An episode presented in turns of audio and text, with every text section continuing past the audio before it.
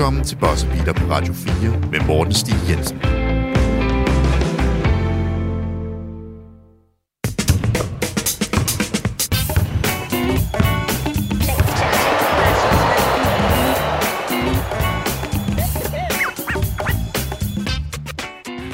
Og rigtig hjertelig velkommen til Bosser Beater. Et nyt ugentligt NBA-program lige her på Radio 4. Mit navn er Morten Stig Jensen. Jeg er jeres vært her på programmet, og i dag der har vi et spændende program planlagt til jer derude, for vi skal snakke både om fortid og nutid, hvilket er et stort emne, der fylder hele NBA-fan-atmosfæren. For hvis man voksede op i 70'erne, 80'erne og 90'erne og fulgte de spillere, der spillede der, så er mange mennesker i hvert fald meget stedig anlagt i at sige, at det var de bedste æraer, og nutidens spillere kan ikke engang dække op, og jeg ved ikke hvad. Og nu synes jeg egentlig, det er på tide, at vi, det er noget, vi skal til at snakke om. Så Torkild Bang, jeg har inviteret dig med ind i studiet. Du er tidligere NBA-redaktør, øh, du er tidligere NBA-skribent, både i indland og udland, og så har du fuldt spillet i, i rigtig mange år. Torkel, hvornår begyndte du faktisk at øh, følge NBA? Altså for alvor fra, øh, fra omkring Dream Team i 92, øh, jeg vil sige, at før det, der, der havde jeg sådan fuldt sporadisk med, jeg kendte selvfølgelig navnene, de store navne og sådan noget der, øh, men øh, det var øh, Dream Team, og det, at man kunne øh, se øh, NBA på dansk tv på det tidspunkt, der gjorde, øh, at jeg sådan vendte tilbage til det. Og grunden til, at jeg har hentet dig ind, Torgild, det er jo fordi, der er sket noget i NBA, som der faktisk, øh, ja, øh, inspirerede hele det her segment. Fordi New York Knicks legende, Charles Oakley, han har jo mere eller mindre været ude med riven efter Giannis Antetokounmpo, øh, en 27-årig græsk spiller, som der er i, i NBA lige nu, der fuldstændig brillerer. Han har vundet to mesterskaber. Nej, undskyld, to MVP's og et mesterskab her sidste sæson. Og vi skal lige høre, hvad Charles Oakley havde øh, at sige. He he wouldn't have been a force back in the days. That's would or would not? Would or would yeah, not? He wouldn't have been a force. Why is that? He would have struggled because they was making him two jump shots, and and you know he, he wasn't be doing no Europe to the basket like he doing Euro step to the basket and just get layup. No, somebody gonna knock his head off. Hmm. I mean, I'm go- I'm glad he's doing what he's doing now, but he definitely wouldn't. He'd been come on the bench back in the days. så, så det her, Charles Oakley siger her, det er simpelthen, at Giannis Antetokounmpo ikke vil kunne være i stand til at spille i 80'erne og 90'erne, Torgild. Han siger simpelthen, at øh, han vil blive øh, smadret ned på gulvet, hvis han prøver at eurostep sin vej ind mod kurven. Øh, og han går endda så langt, Charles Oakley, og siger, at Giannis ikke engang vil være en starter. Han vil komme fra bænken af. Øh, hvor står du henne i den debat? Jamen, øh, Oakley undervurderer i den grad, hvor vanvittigt atletisk Janis er, hvor hurtig han er, og hvor fysisk stærk han er. Han er altså, han, han er jo den der type. Altså, han, hele strategien for ham, når, øh, for, for Milwaukee, det er, at han løber panden imod muren, og på et eller andet tidspunkt skal muren vælte. Og det gør han altså. Det er jo den måde, de blev mestre. Så det er, øh, det er helt håbløst at sige, at, han, øh, ikke, at det kunne han altså også have gjort dengang. Men det er jo et tema, vi faktisk ser. Vi ser jo rigtig mange ældre spillere fra den her generation, der går ud og siger, ah, at de her nutidens spillere kan ikke noget som helst, og de er bløde og alt det her. Hvad tror du, der ligger for, for grund til det? Øhm, jeg tror, øh, et eller andet sted, så... Øh, jeg tror, der, det er en form for, øh, for nu at blive lidt højpandet kognitiv dissonans. Jeg vil kende det, det begreb. Det gør jeg ikke. Nej, okay. Det, det er, at man har to modstridende øh, øh, ting, som man ikke kan få til at se, øh, sætte sammen inde i hovedet. Ja. Og, og det gør faktisk en, en øh, direkte utilpas. Og man, man ved godt, at øh, Janis han er en fantastisk spiller, men han er bare ikke øh, arketypen på en spiller fra dengang man selv spillede som Charles Oakley. Og, øh, og derfor så kan man altså, man kan ikke få det til at, at passe ham, så derfor siger man, jamen vi var bedre dengang. Øh, men han kan simpelthen, at hans øh, Oakleys verdensbillede er øh, fastsat af den måde, man spillede på dengang. Og derfor så kan han ikke få det til at, så kan han ikke sige, jamen altså, Jannis han vil i alle ære være en fantastisk spiller. Det synes jeg er en fascinerende tanke, du faktisk har der, fordi det læner jo også lidt ind i, hvordan spillet har ændret sig. Dengang, da Oakley spillede, hvilket jo var tilbage i 80'erne og 90'erne, der var positioner jo også utrolig fastlåst. Du havde en point guard, du havde en shooting guard, du havde en small forward, du havde en power forward, du havde en center, og de fem positioner, de var fanden gane med låst og ja. i, i, i henhold til deres roller. Nu til dags, der har vi jo en hel masse spillere, der, der fuldstændig bryder med konventionelle øh, positioner. Nikola Jokic for eksempel er jo en point guard, der spiller center, kan man sige. Altså det, han, han, gør, han gør det hele. Altså han snit over 8 assist per kamp for en center. Han er den bedste øh, afleverende big man nogensinde. Du har en Giannis Antetokounmpo, som der også snitter 6 assist, til trods for, at han spiller power forward. Du har en Luka Doncic, der gør det hele. Snitter 10 rebounds på, på guard-positionen. Russell Westbrook, der, der har snittet triple-doubles i, jeg tror det var fire ud af fem sæsoner. Øh, det, så det er, jo en, det er jo en helt anden måde at anskue basketball på i dag, end det var dengang. Kan det ligge til grund for, at fordi man, man har rykket det ud af de der kasser, at så er der ældre fans og, og ældre spillere, der har svært ved at greje, hvordan basketball spilles i dag? Ja, det tror jeg da. Nemlig, det, det er faktisk meget præcis det, det handler om, at øh, når man mener, at basketball skal spilles på en bestemt måde, og det er den der gammeldags med point guard og shooting guard osv., det er, øh, det er efterhånden... Øh, øh, passé, selvom man ser det i... Altså, spillerne bliver stadig præsenteret som point guard og shooting guard og så videre, når de kommer, løber på banen. Og medierne bruger stadig begreberne osv., men det er bare ikke det, der sker på banen, som du siger, at man har de her spillere, som transcenderer med øh, altså alle positioner nærmest. Og det kan, vi, øh, vi kan bare tage øh, altså nutidens største spiller, LeBron James, Uh, han, han kan jo spille alle positioner og ja. har også gjort det nærmest. Uh, og derfor så er det sådan... Jeg tror, der, der er et andet med, at man siger, jamen altså, øh, hvis man er, hvis man er meget fastlåst i sin tankegang om, hvordan spillet skal se ud, så er det svært at acceptere, at der er nogle spillere, som er, spiller helt anderledes nu. Og det er, det er, det er jo meget, der er sket, fordi øh, altså, vi har talt om øh, stretch for øh, på et tidspunkt. Altså, det var jo øh, typisk Dirk Nowitzki, som øh, trak spillet ud som en stor mand, og skød træer og så videre. Øh, og så har vi talt om centeren stød, altså hvor man siger, jamen der er, altså centeren har ikke rigtig nogen rolle længere. Øh, altså den klassiske center, den som, ja. altså, hvor vi taler om Shaq for eksempel, det er den klassiske center. At, og når du siger den klassiske center, mener du den her spiller, der kun scorer ind under kurven for eksempel? Ja, nærmest. Ja. ja, ja.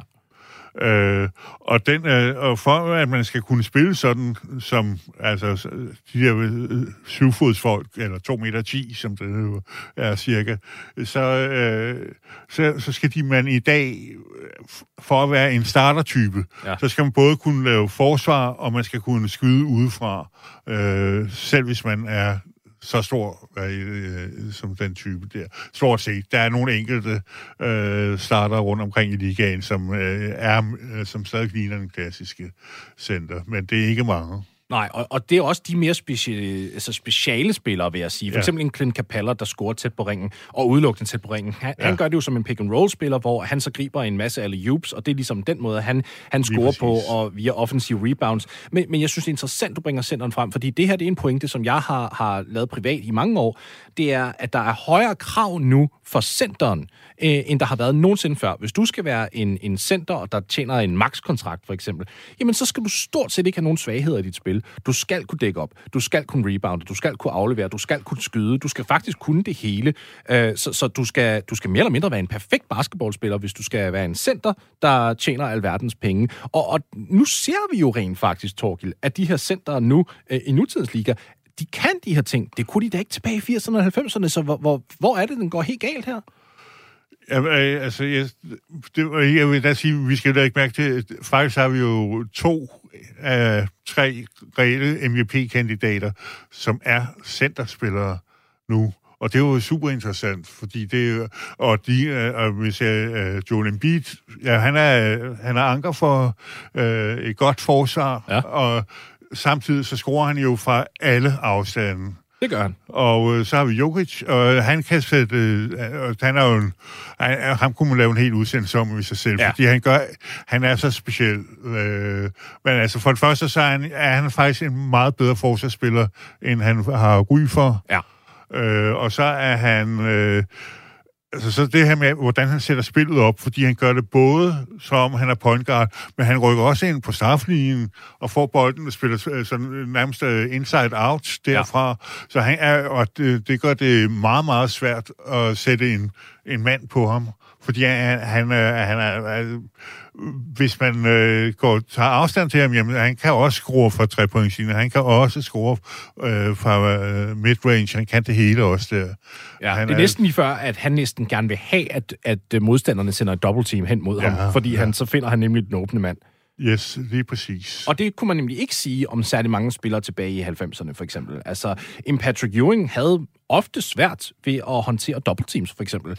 Øh, og alligevel, så er der, der er mange altså, ældre fans, der sidder og siger, ja, men det her, det var, det var en bedre kaliber af spiller. Og der, der prøver jeg at skubbe lidt igen. Men da vi to havde vores lille forinterview, inden vi begyndte at optage os, der, der nævnte du jo, men Morten, sagde du til mig, med en hæde pegefinger.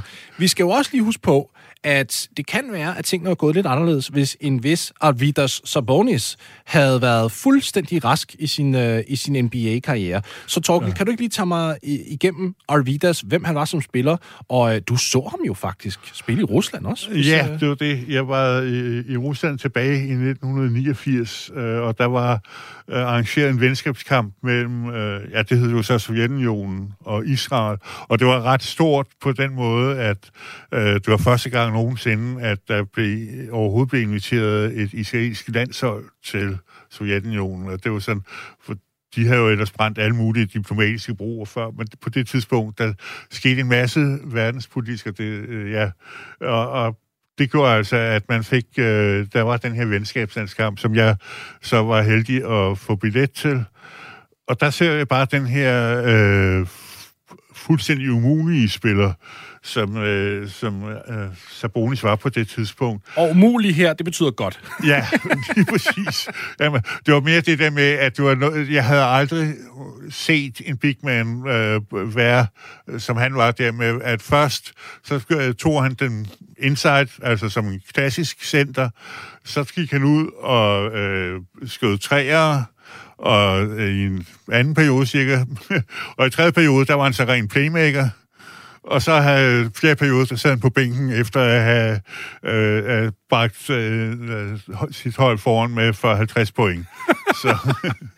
men han var også vanvittig. Han, han var vanvittig. Jeg har set, øh, undskyld, jeg har set nogle clips fra, øh, fra da han var i sin bedste alder, og inden skaderne tog, øh, tog hånd på sig. Ja. Og, og, og der vil jeg også sige, jeg tror faktisk, man havde ændret sit perspektiv af, hvordan man spillede, hvis han var kommet ind i ligaen øh, fuldstændig rask og, og, ja. og i en tidlig alder. Fordi han spillede jo mod en, en ung David Robinson også tilbage i international regi, og sat fuldstændig Robinson af. Altså, ja, det, var faktisk, det var faktisk øh, øh, nærmest ham personligt, øh, der fik øh, amerikanerne til at indføre Dream Team, fordi det var ved, ved OL i 88 øh, i Sydkorea, hvor øh, Ja, altså, så øh, måtte amerikanerne faktisk se så overhalet. Det var første gang, at de, at de øh, måtte sige, at jamen, altså, og man skal huske på, at øh, Sabonis og Robinson, det var ikke sådan, at det var, fordi Sabonis var den ældre, her, altså sådan erfarne spiller, de, de er fra samme årgang, ikke? Så det er sådan,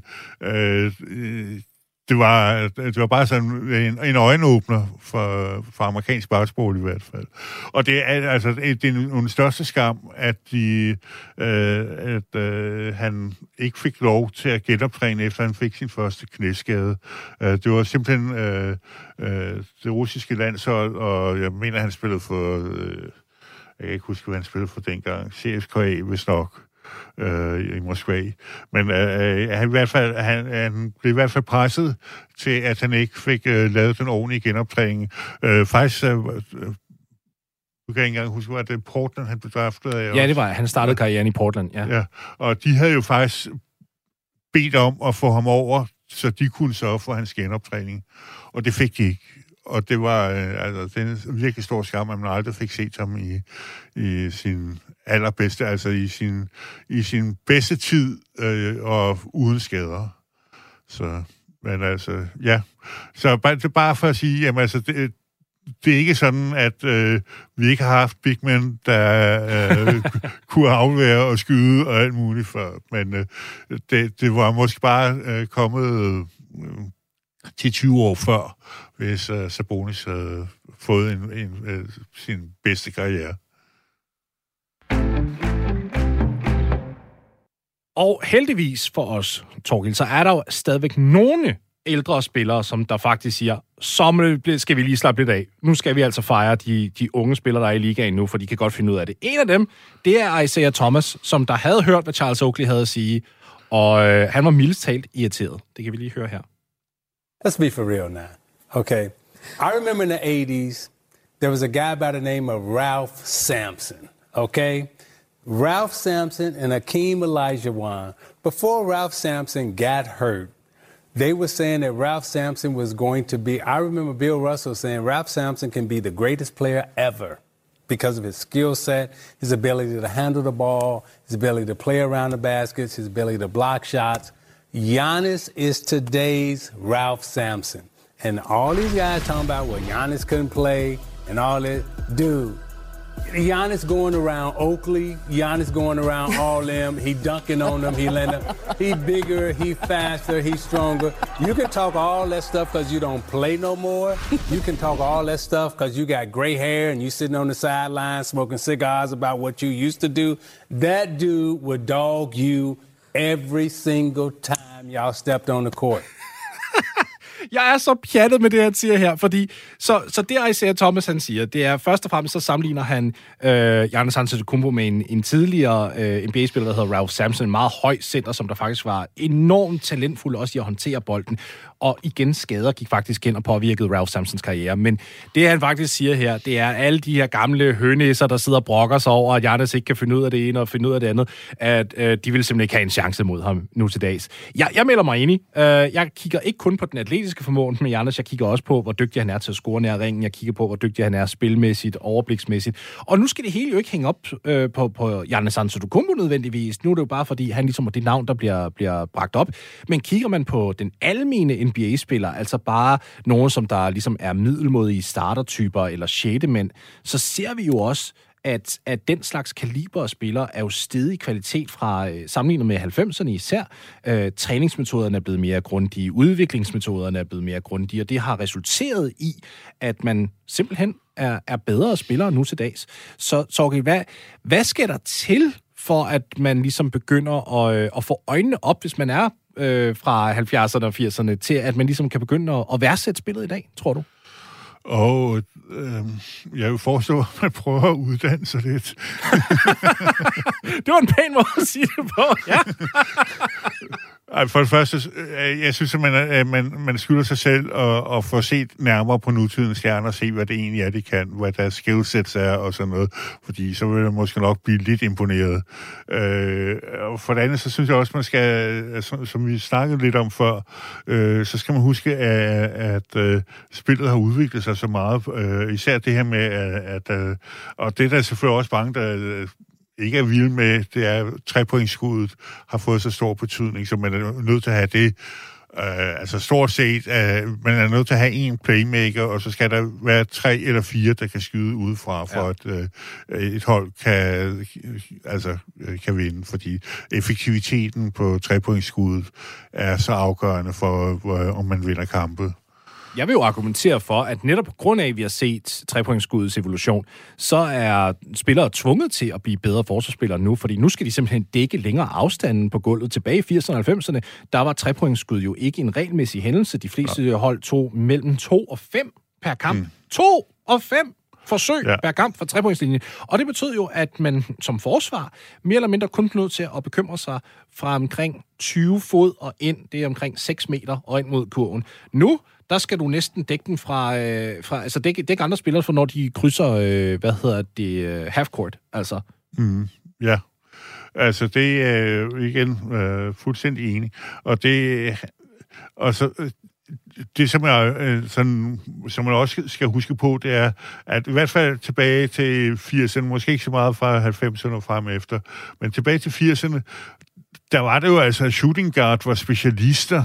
Ja. Altså, de var, øh, øh, øh ja, selvfølgelig kunne de fleste godt håndtere bolden, og de kunne også godt afvære den, men det var dem, der skød. Ja. Og det var dem, øh, og andre, ja, de skulle til koren. Og, og, og det øh, har selvfølgelig sin charme, men det er bare ikke sådan, som virkeligheden er i dag. Nej. Og point guards, de, var, de skulle playmake, og hvis de begynder at score bolden, så var det jo meget det her, du ved, åh, oh, he's a shoot first point guard, det kan vi ikke have. Hvad fanden er det for noget? Det var der brokkeri over. Det kan jeg da stadig huske, da Stefan Marbury øh, kom ind i ligaen i sin tid. Allen Iverson også, ja. altså begge to i 96, der var det sådan lidt, tager de for mange skud? Men, men det, det var der ikke. Det burde man jo ikke have en, en samtale om. Man burde jo snakke om, at spillere skal læne sig ind i sine styrker, og det er det, jeg synes, vi ser i dag. Jeg synes, vi ser trænere og trænerstaber og klubber, der ligesom siger, prøv lige at høre, nu har vi øh, x antal spillere på vores klub, og vi ved, hvad de kan, og vi læner os faktisk ind i deres styrker. I stedet for at sige, nu kører vi det her system, jeg gerne vil køre, så kører de systemer efter spillernes talenter. Ja, og det er jo det der med, øh, altså, øh, og der vil jeg sige, som hvis man skal kigge sådan lidt... Øh, lidt overordnet på det basketmæssigt, så vil jeg sige, at det, det handler jo meget om at have stærke fundamentals. Øh, og, det, og det har man jo altså efterhånden på alle i dag, for alle spillere. Øh, og det var måske derfor, altså min favoritspiller tilbage i, i fra slut 90'erne, det var Tim Duncan. Og, det, og, det, og jeg var vild med det her med, altså folk synes, at han var død kedelig, men jeg, jeg var vild med det her med, at han blev, altså så, simpelthen the big fundamental, ikke? Ja. Altså, øh, fordi han gjorde det så metodisk så godt. Og det var, øh, og det har jeg bare sådan, altså set fra et basketmæssigt synspunkt, så er det en, øh, en drøm at se en spiller på den der ja. måde. Han, han er en af mine absolut favoritter, og jeg synes, at Nikola Jokic lige nu er nok den næste Duncan. Han, de er undervurderet begge to i, i øh, hvordan folk kigger på dem underholdningsmæssigt også. Lige her på falderæbet, inden vi skifter emne, Torgild, så har jeg lidt et, et bombespørgsmål at stille dig. Øh, og, og det behøver ikke at være et langt svar, men det er bare, jeg er lidt nysgerrig. Og jeg hader, skal jeg lige sige, at have tanken, især når jeg har opkaldt begge mine sønner efter Michael Jordan. Men siden han nu spillede i 80'erne og 90'erne, og vi nu kigger på, hvor meget bedre spiller nu er til dags, skal det så betyde, at Jordan som spiller måske faktisk ikke var så god, som vi har gjort ham til? Ja. Det er jo blasfemi. ja, det er. Jeg, jeg vil også sige, at jeg fik lige sådan en kold følelse ned ad nakken, da jeg overhovedet stillede spørgsmålet. Ja, øhm... Det går faktisk fysisk ondt på mig lige nu. Ja, ja det, du har oplevet dissonans. Ja. Men ja, øh, det er... Det er sgu et, øh, det, det, det er et vanvittigt godt spørgsmål, men altså, jeg synes bare, at uh, uh, Jordan har gennemgående, altså selv man skal, hvis man kigger på slutningen af hans karriere, så viser han stadigvæk der, at han godt kunne begå sig med, altså, også bare gå ind og spille en, en forward-rolle, altså, som, øh, så jeg tror sgu, altså, jeg, jeg er enig med dig. Jeg, jeg kan godt forstå, at du, du vafler lidt på svaret her, for det, det vil jeg selv gøre. Ja. Jeg, jeg tror, ja, når alt kommer til alt, for at svare lidt på mit eget spørgsmål, så tror jeg, at vi er ude i, at der er nogle spillere, som der er, kommer til at være effektive og fantastiske, lige meget hvilken æra vi snakker om. Altså Bill Russell, Michael Jordan, Kareem Abdul-Jabbar, Will Chamberlain, LeBron James, Nikola Jokic for eksempel, Giannis Antetokounmpo. Der kommer bare til at være spillere øh, i historien i ligaen, der kan spille når som helst, hvor som helst, og de vil stadig brillere. Ja, og jeg tror, at noget af det, det er, at alle dem, der du nævner, det er øh, atletiske, øh, bortset fra Nikola Jokic, øh, altså, så er der jo nogle pragteksemplarer atletisk, som, øh, og det, det giver altså, og hvis de samtidig har den der boldfornemmelse, som de også alle sammen har, så, øh, ja. så er der altså noget, som man bare, som, øh, går, øh, som klarer sig til hver en tid.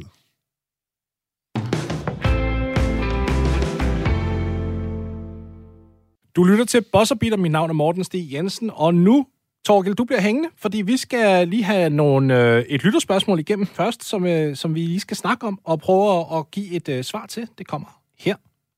Hej Morten. Først og fremmest øh, stort tillykke med, med dit nye program. Det, øh, det tror jeg, vi er rigtig mange NBA-fans, som, som sætter rigtig stor pris på. Og øh, ja, personligt så glæder jeg mig til at, at følge med. Hvad hedder det? Jeg kunne godt tænke mig at høre dit take på Oklahoma City Thunder. De har jo øh, samlet den her kæmpe skattekiste sammen af, af draft picks, og øh, de skal jo til at, at benyttes, de her draft picks. Øhm, så hvad, øh, hvad tænker du egentlig er den, den bedste strategi for, for et hold som Oklahoma, som jo ikke er et, et stort marked? Øh, skal de bruge de her draft picks og, og, og simpelthen bygge et nyt Durant, øh, Harden, Westbrook hold op igen øh, med unge talenter, eller skal de, øh, skal de hellere prøve at, at trade dem for at få nogle etablerede stjerner til, og måske gøre det til en, øh, til en free agent destination? Øhm, fordi at som det er lige nu, så, så er det vel egentlig kun øh, Shea, man kan, bygge, man kan bygge op omkring. Men, øh, men han er vel næppe nok øh, sammen med, hvad man nu eventuelt kan få i, i draftet. Så øh, hvad tænker du, de skal gøre sådan fremadrettet? Og det var Brian Dam Petersen, der sendte det ind. Mange tusind tak. Torgel, det er jo et interessant spørgsmål, fordi vi har sidste uge så sad Thomas Nielsen og jeg snakket om, hvilke nogle spillere, der var i draften. Det behøver vi ikke gå igennem her nu. Men Oklahoma City har jo nemlig hårdt sig en hel masse draft picks, og det betyder også, at de kan trade den hvis det skulle være. Jeg, jeg ved ikke, om jeg har noget af starten på et svar, men jeg har en idé, som jeg godt kunne tænke mig at, at give dig, og som jeg gerne vil høre noget feedback på. Skulle Oklahoma City faktisk prøve at samle mange af de her draft picks i en pakke, og så forsøge at sende dem til New Orleans Pelicans for en uh, Zion Williamson, der måske ikke vil være der længere? Ja, det er faktisk et interessant bud. Øh, altså, jeg tænker mest øh, under alle omstændigheder strategien, når man har så mange picks, det er, altså, man skal passe meget på, hvad man ikke brænder ind med dem. Øh, man, den sådan øh, hvis man kigger lidt på sådan en cautionary tale, så Boston Celtics, øh, som øh, jo fik hårdet øh, under Danny Ainge øh, draft picks, og det førte til en masse gode spillere, øh, men der var altså, det endte altså også med at halvdelen af de der draft picks, de endte med bare at ryge op i, altså sådan, øh, ubrugeligt. Altså, der, de på et tidspunkt, i, okay, Spring draft det var, 18 tror jeg det var, hvor han er nødt til at drafte to øh, draft and stash spillere, fordi det simpelthen ikke, øh, han kan ikke øh, rumme øh, og tage så mange spillere ind på rosteren på det tidspunkt. Så han, han er simpelthen nødt til at spille dem på øh, to spillere, som han er sikker på ikke kommer ind i ligaen den efterfølgende sæson. Og når man har så mange picks, så er det en bedre idé at konsolidere og få sige, jamen altså, vi udpeger en en spiller, som måske ikke øh, passer øh, der, hvor han er nu, og ser øh, at gå efter ham. Og der, det kunne altså jo godt være en St. Williamson. Så du er faktisk lidt mere på, øh, på øh, kanten med, at man siger, at vi, vi skal prøve at flytte nogle af de her picks for etableret talent? Ja, altså så ungt talent, hvis det kan lade sig gøre. Ja, ja. Så det passer med Shea Gilders Alexander for eksempel, i aldersmæssigt? Ja, altså det er jo det der med, at vi snakker meget om det her med, at man har et vindue for, hvornår man kan blive... Øh, altså, hvornår man er egentlig er udfordret til, til mesterskabet. Og det er selvfølgelig målet for, for alle hold på et eller andet tidspunkt at sige, jamen altså, vores... Øh, øh den her sæson, der går vi altså efter mesterskabet i sidste ende. Altså selvfølgelig er der jo kun et ud af 30 hold, der kan til sidst ende med det, men det er derhen, øh, at øh, altså, det, det, det der de fleste hold, de, de øh, ønsker at nå. Og, øh, og vejen dertil, den, øh, den er typisk, ved at man henter et toptalent i draften selv, og så øh, måske to, som øh, Oklahoma har gjort.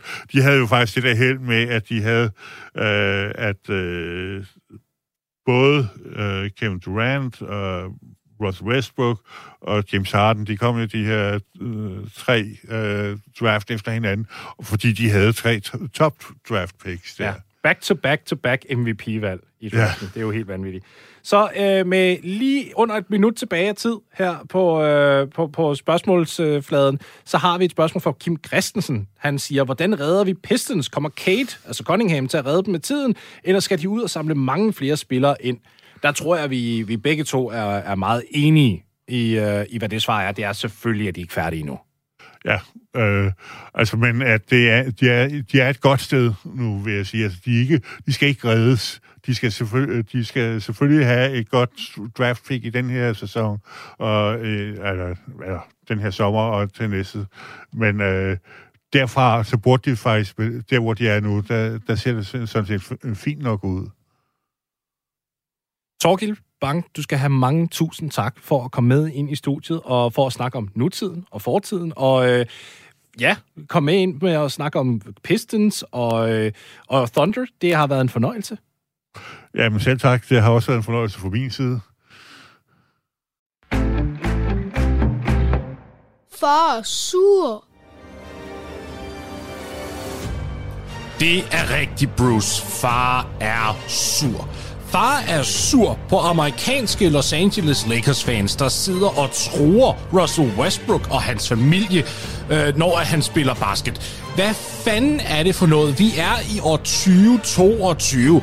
Vi burde vide nu, at Russell Westbrook ikke selv var den, der besluttede, at han skulle til Los Angeles Lakers. Hvis man har lyst til at brokke sig, så skal man ikke sidde og gøre Westbrook og hans, især ikke hans familie, til hvad man kalder en scapegoat. Man skal pege fingrene af dem, som der tog beslutningen til at begynde med. Vi snakker om general manager Rob Pelinka. Vi snakker om øh, Los Angeles Lakers øh, ejer Genie Boss. Vi snakker om LeBron James, der selv sad der og nærmest havde jobinterviews med diverse spillere, inklusiv DeMar DeRozan, som, lad os nu være ærlige, havde været en drastisk, drastisk bedre mulighed for Lakers den her sæson.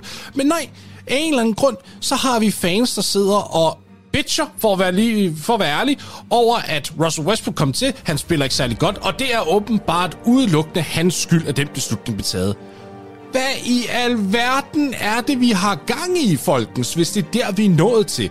Der må man tage skridtet videre og så sige, nej, det er virkelig ikke hans egen skyld. En ting er, at Westbrook måske selv havde et indre ønske om at komme hjem, fordi han er trods alt fra Kalifornien. Fair nok, det er en ting, men en spiller kan ikke forcere en trade igennem til en specifik klub på den måde, og det gjorde han heller ikke. Han har måske ytret et ønske om at komme hjem. Det er en ting.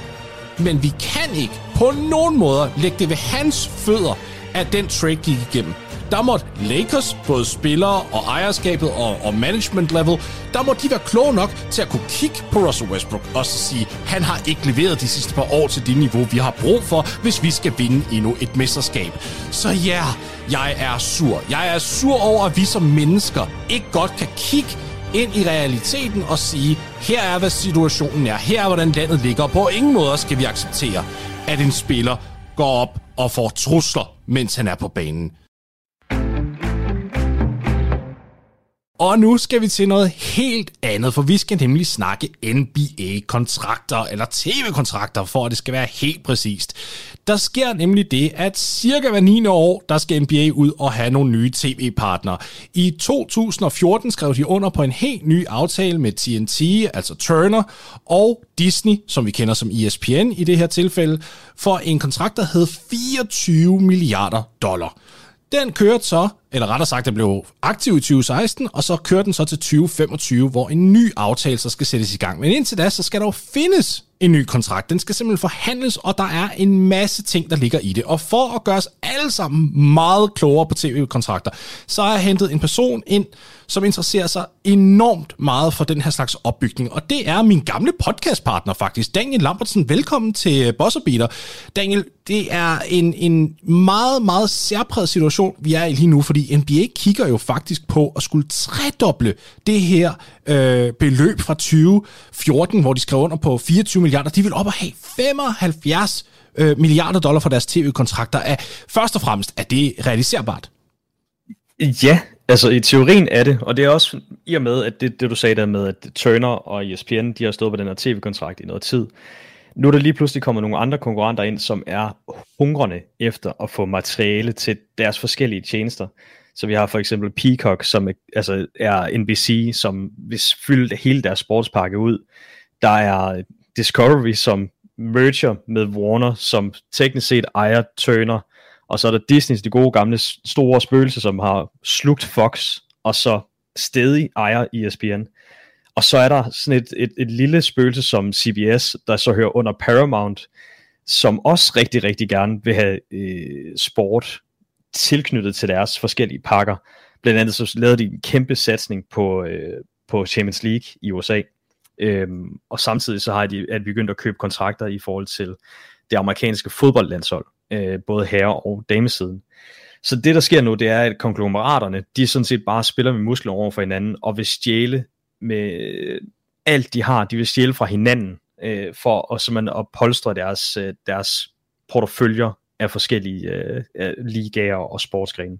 Hold da op, så det vil jo så sige, at der, man skal rode lidt rundt i det her, fordi for, for, for den gængse observant, så er det jo lige svært at finde ud af, også hvem der ejer hvem, altså især Turner, som, som der har, nu har de jo valgt at spænde Warner Media ud til sit eget, og det, det har jo været et, et kæmpe virksomhed, ja, så blev de ejet af AT&T, og altså, kan du ja, prøve at bryde det lidt ned? Merge, ja, men, men problemet er så, at, at de er i gang med at merge med Discovery, øh, hvis det går igennem øh, alle de lovmæssige ting over i USA. Så på et tidspunkt, så kommer der muligvis til at være Warner Discovery Media, som så ejer HBO, og som ejer Turner, og som ejer øh, altså alle mulige ting. Så det, det er nogle kæmpe siloer, som kommer til at være øh, blandt konkurrenterne for at få fat i de her øh, rettigheder til at sende for eksempel NBA, NHL, øh, øh NLB og alle de her andre forskellige sportsligaer. Og det er før vi overhovedet runder Apple, det er før vi runder Amazon, det er før vi runder Netflix, det er før vi runder øh, potentielt YouTube, altså Google, øh, det er før vi runder Meta, altså med Facebook.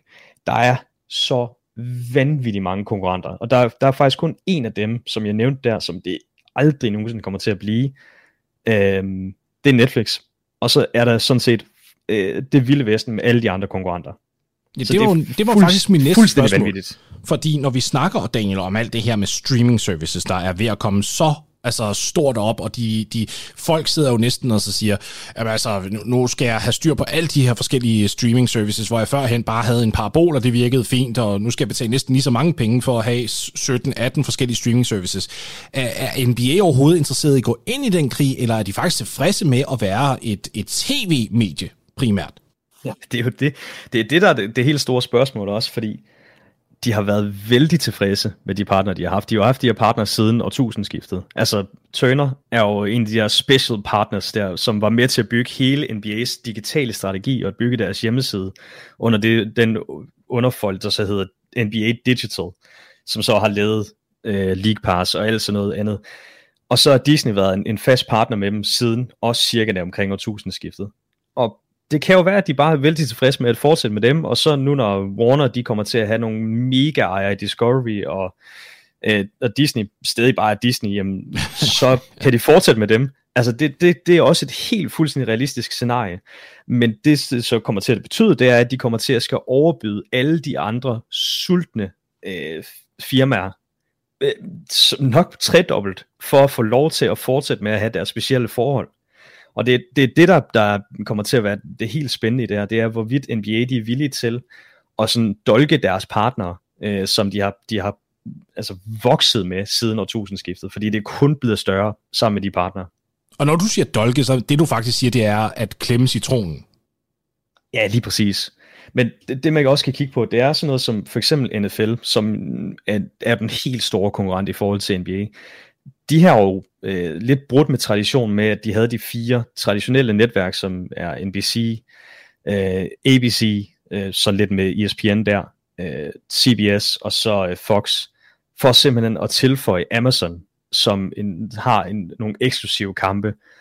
Og det er jo så det, om NBA de er villige til at lave præcis den samme fragmentering, fordi de har jo i forvejen de to store landsdækkende partnere, men så er der også en masse regionale partnere. Og det kan jo så være, at øh, Amazon kan komme ind, eller Google, eller whoever, kan komme ind og tage nogle af de kampe, og så gøre det til deres lille silo. Så vi har de der specielle kampe om tirsdagen, om torsdagen, om lørdagen, om søndagen, øh, fordelt mellem Turner og ESPN. Og det er så det billede, vi kan måske kan komme til at se ændre sig i fremtiden, på grund af, at der kommer en ny partner ind, der skal gøre det til en helt speciel dag, som de får.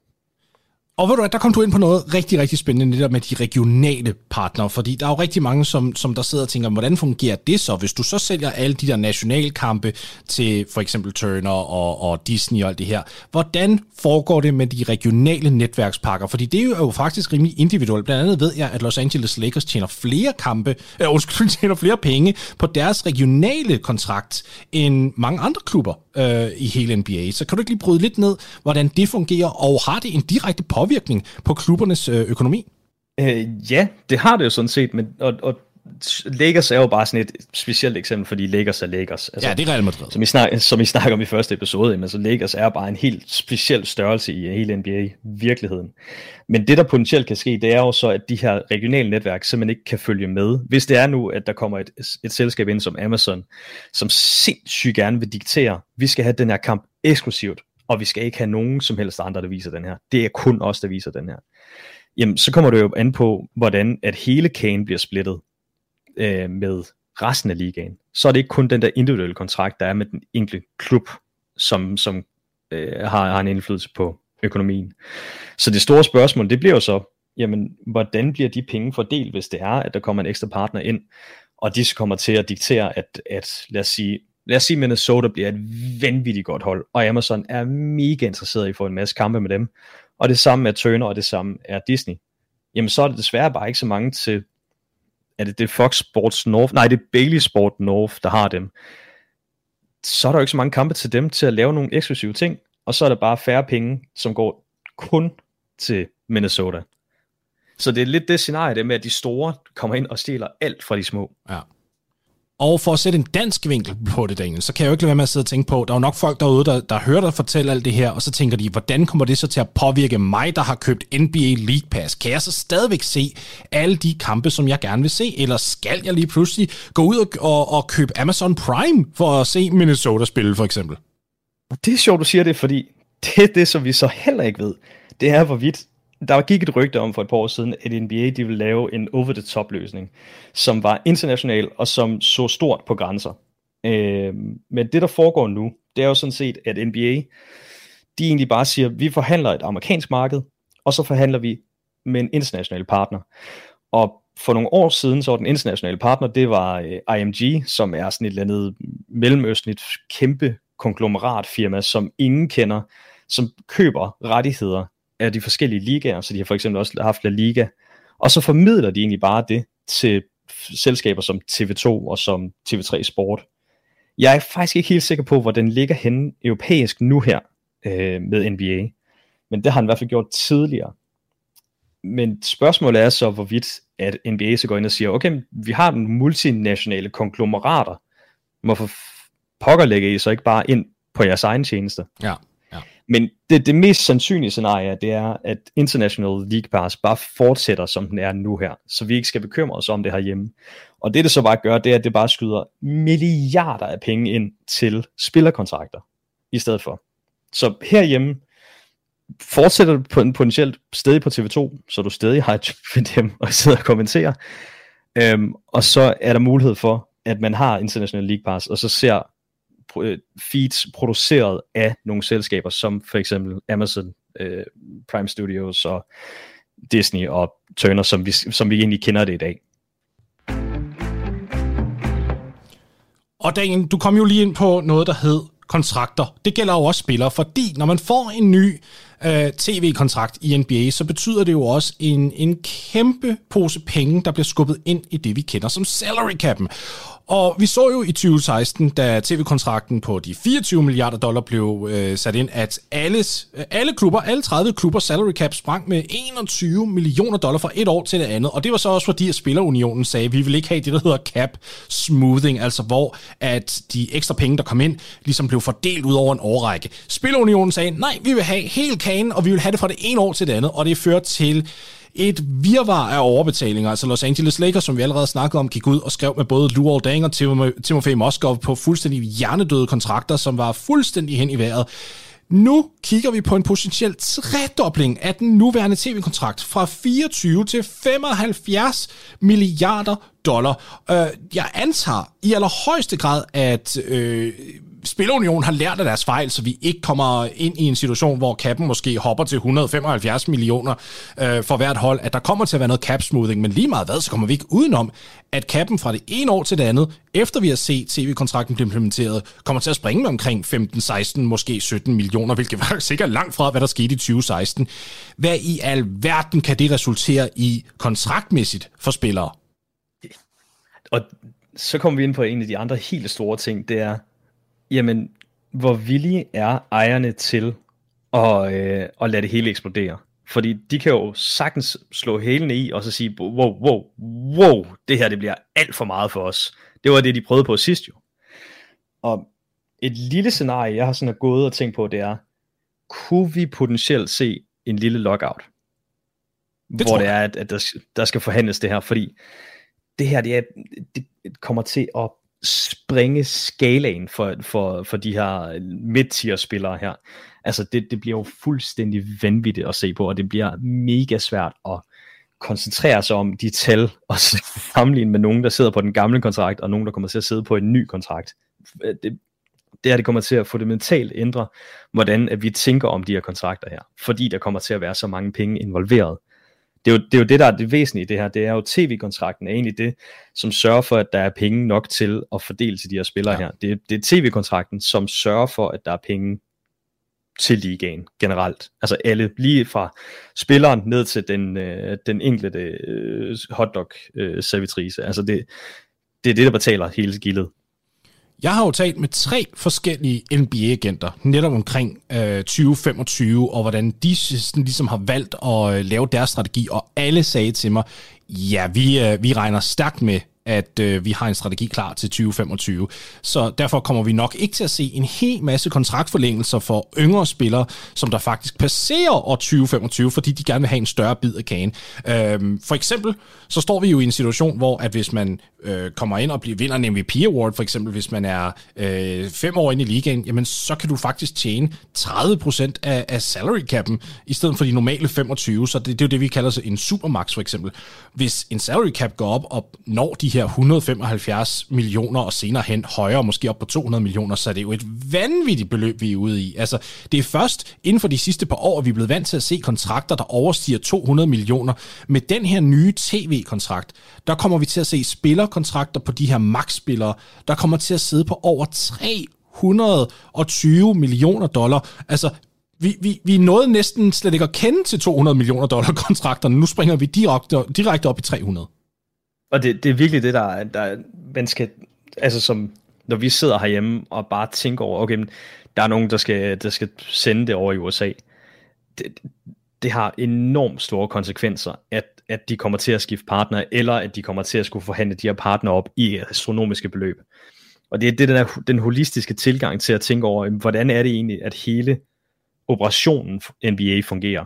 Øh, og, og jeg, jeg, jeg får næsten hovedpine af at tænke, hvor store tal, der egentlig involveres her. 320 millioner for en, for sådan en kontrakt. Altså det, jeg, jeg er næsten tabt for ord i forhold til, hvor, hvor stor den kontrakt kommer til at være på, på de spillere. Og det er jo faktisk også det, som der fører tilbage til, hvorfor du siger, at vi godt kunne komme til at se en lille lockout, fordi det du faktisk argumenterer for, eller ikke argumenterer for, men det du påpeger, det er, at ejerne kan faktisk kunne finde på at sige, at de her kontrakter er simpelthen så store, vi vil gerne have en større bid af kagen. Uh, vi så jo, da der var en lockout tilbage i, i 2011, uh, øh, spillerne fik jo 57% af det, man kalder for BRI, altså Basketball Related Income, den er nu nede på 50-50, og der vil det jo ikke være underligt, hvis ejerne igen blev grådige og sagde, nå, nu, nu er det jo os, der tager alle det her risici med de her store 2 og 300 millioner dollar kontrakter, så vil vi også gerne have flere penge. Der er rigtig mange arenaer, som efterhånden også skal renoveres. Og det de så måske kunne gå ind og argumentere for, det er, vi står over for en grøn udvikling. Vi bliver simpelthen nødt til at investere i vores arena. Vi bliver simpelthen nødt til at modernisere det her. Og hvis der ikke er penge til at modernisere det her, jamen, så står vi sådan set bare som en stor, altså sådan en, en, en gigantisk organisation, som er alt andet end grøn. Og det, det, det kunne være et argument for, at jamen, ejerne simpelthen går ind og siger, prøv, vi får simpelthen så mange penge, hvorfor ikke gøre det til, til et bedre formål, hvorfor ikke gøre det til noget, der kan hjælpe alle, og så er det den der holistiske tilgang til, jamen er NBA en del af, altså er det bare en sportsliga, eller er NBA faktisk en kulturel ting, eller en, en, en samfundsmæssig ja. katalysator for bedre, og det er jo det, som vi, der var et argument for, at det var grund til, at uh, Detroit Pistons stadig skulle hedde Detroit Pistons, og Detroit ikke, altså Pistons holdet ikke forsvandt fra Detroit. Det var simpelthen for, at hvis de forsvandt, jamen, så var der intet godt i Detroit. Så var der ingen livsnerve, og så var, så var der intet sådan holdepunkt. Der var byens identitet ville forsvinde. Og det var det, at der også holdt Milwaukee Bucks i, uh, i Milwaukee. I Milwaukee, ja. Fordi de simpelthen renoverede uh, deres arena, og så argumenteret for, jamen det her, det er en grøn bølge, som simpelthen udvikler sig igennem hele byen. Og det tror jeg simpelthen bare bliver, øh, det er noget af det, jeg sådan et eller andet sted forudser, det bliver scenariet, at ejerne kommer til at gå ind og kigge på alle de her penge her og sige, I får simpelthen så mange penge. Lad os nu, lad os lige beholde nogle af dem her, og så prøve at lave en ny grøn fremtid det kunne være et argument for, at de gerne vil have nogle flere penge ud men, af Men samtidig, Daniel, så kan jeg jo ikke lade med at sidde og tænke på, at vi, vi har jo set ejerne førhen faktisk gå ud og øh, succesfuldt fået, fået offentligheden til at betale for nye arenaer, hvilket jo også er, i, i min mening, ekstremt klamt, når det er milliardærer, der sidder øh, med, med, med dybe lommer og faktisk kunne betale for det selv. Så tror du ikke også, at der vil komme en rimelig kraftig reaktion fra Spillerunionen, hvis ejerne begynder at gå ind og lave argumentet, jamen ved I hvad, det er spillerlønningerne, der går ind og, og holder os væk fra at gøre stadion grønne, når de her ejere selv sidder med milliarder og milliarder og milliarder i lommerne. Jo, og det er nemlig også derfor, at, at et virkelig altså, sandsynligt scenarie er en lockout. Netop på grund af, at der er så mange gode argumenter på begge sider for, at jamen, vi bliver nødt til at fordele de her penge bedre. Og øh, NBA-spillerforeningen er enormt skarpe, og de er på tæerne, og de er klar til at argumentere, og de er klar til at gå hele vejen til januar, februar måned i en, en, en, en lockout for simpelthen at stå på deres ret til at få penge. Og ejerne, lige så, jamen de, altså de sidder jo på deres penge, pengesække øh, og tænker, jamen, herregud, altså vi kommer til at spille NBA på et tidspunkt, og vi kommer til at få et ordentligt hak af de her penge her.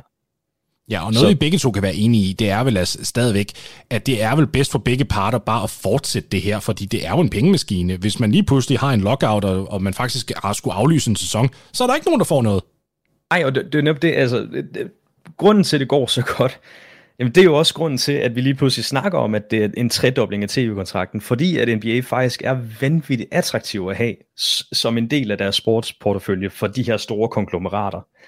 Så det, det, det er sådan en selvforstærkende cirkel, øh, som jamen, altså sådan, egentlig sørger for, at, at der er masser af penge. Ja. Det går pisse godt. Det betyder så også, at der kommer til at være flere penge, og det kommer til at gå virkelig godt. Og så kommer der til at være et argument for begge sider om, på, det går virkelig godt. Vi vil gerne have en større del af den, ja. at det går virkelig godt. Og, og altså, på et tidspunkt, så går det bare op i en spids og det kan vi bare ikke undgå. Altså det, lige nu er det det, der er i MLB. Altså der er en lille lockout i MLB, fordi det gik også egentlig ret godt for MLB, og de har lige fået en ny kontrakt med, med Apple, og derfor jeg fremhævede dem tidligere. Og der, der sidder de altså bare og triller sommerfinger og venter på, men kan vi komme i gang? Kan vi komme i gang? Kan vi ikke komme i gang? Altså, men der er en lockout, så... Som Pat Riley engang sagde, the disease of more. Og det er jo faktisk lidt det, vi er ude i. Lige præcis. Altså det, det, det er lidt kedeligt at være den bibringer af, af, af, af dårlige nyheder, ikke? Men, men det er bare det scenarie, vi bliver nødt til sådan at, at altså, parterne bliver nødt til at kigge ind i og sige, okay, øh, klap lige hesten, vi bliver, vi bliver nødt til lige at forhandle det her på forhånd. Vi skal lige have styr på det her. Daniel Labertsen, tusind tak for en øh, grundig øh, gennemgang af både tv-kontrakter, hvem der er ude og, øh, og kigge efter de her rettigheder først og fremmest, og også hvordan det egentlig kan have nogle forholdsvis negative øh, konsekvenser fremadrettet for NBA. Øh, tak for din tid. Det var så lidt. Far, glad! Det er nemlig rigtigt, Bruce. Far er glad. Far er glad for alle de unge spillere, der kommer ind i NBA og som er klar til at spille forsvar. Vi har nemlig i mange, mange år haft en NBA-historie, der har centreret omkring, at unge spillere, når de kommer ind i ligaen, simpelthen ikke er særlig indflydelsesrige defensivt. Faktisk, for at sige det lige ud, de fleste rookies er super, super dårlige på den ende af banen.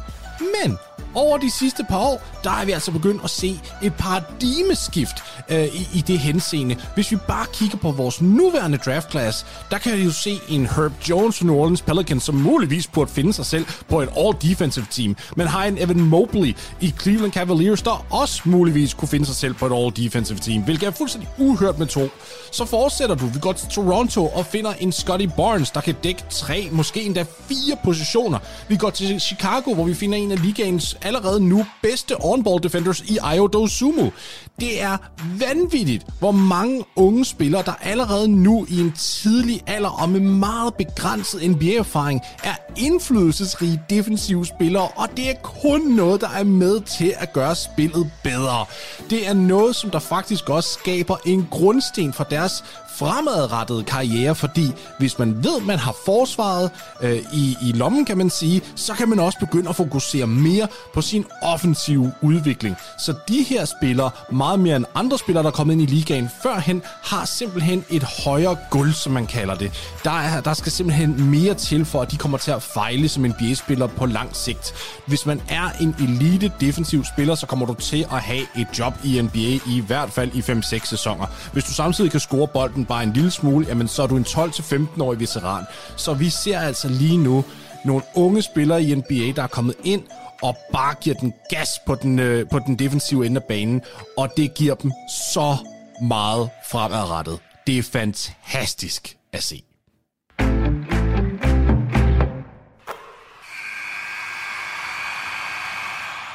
Det var bosserne, og det betyder, at det var alt, jeg havde til jer her i dag. Jeg vil gerne sige tusind, tusind tak til både Torkil Bang og Daniel Lambertsen for at komme forbi og snakke lidt om både fortid og nutid, samt tv-kontrakter, der kan spille, som I kunne høre på Daniel, en kæmpe rolle fremadrettet. Jeg glæder mig til at starte nogle nye emner op næste uge, og i mellemtiden, så må I have det rigtig godt derude. Tak fordi I lyttede med.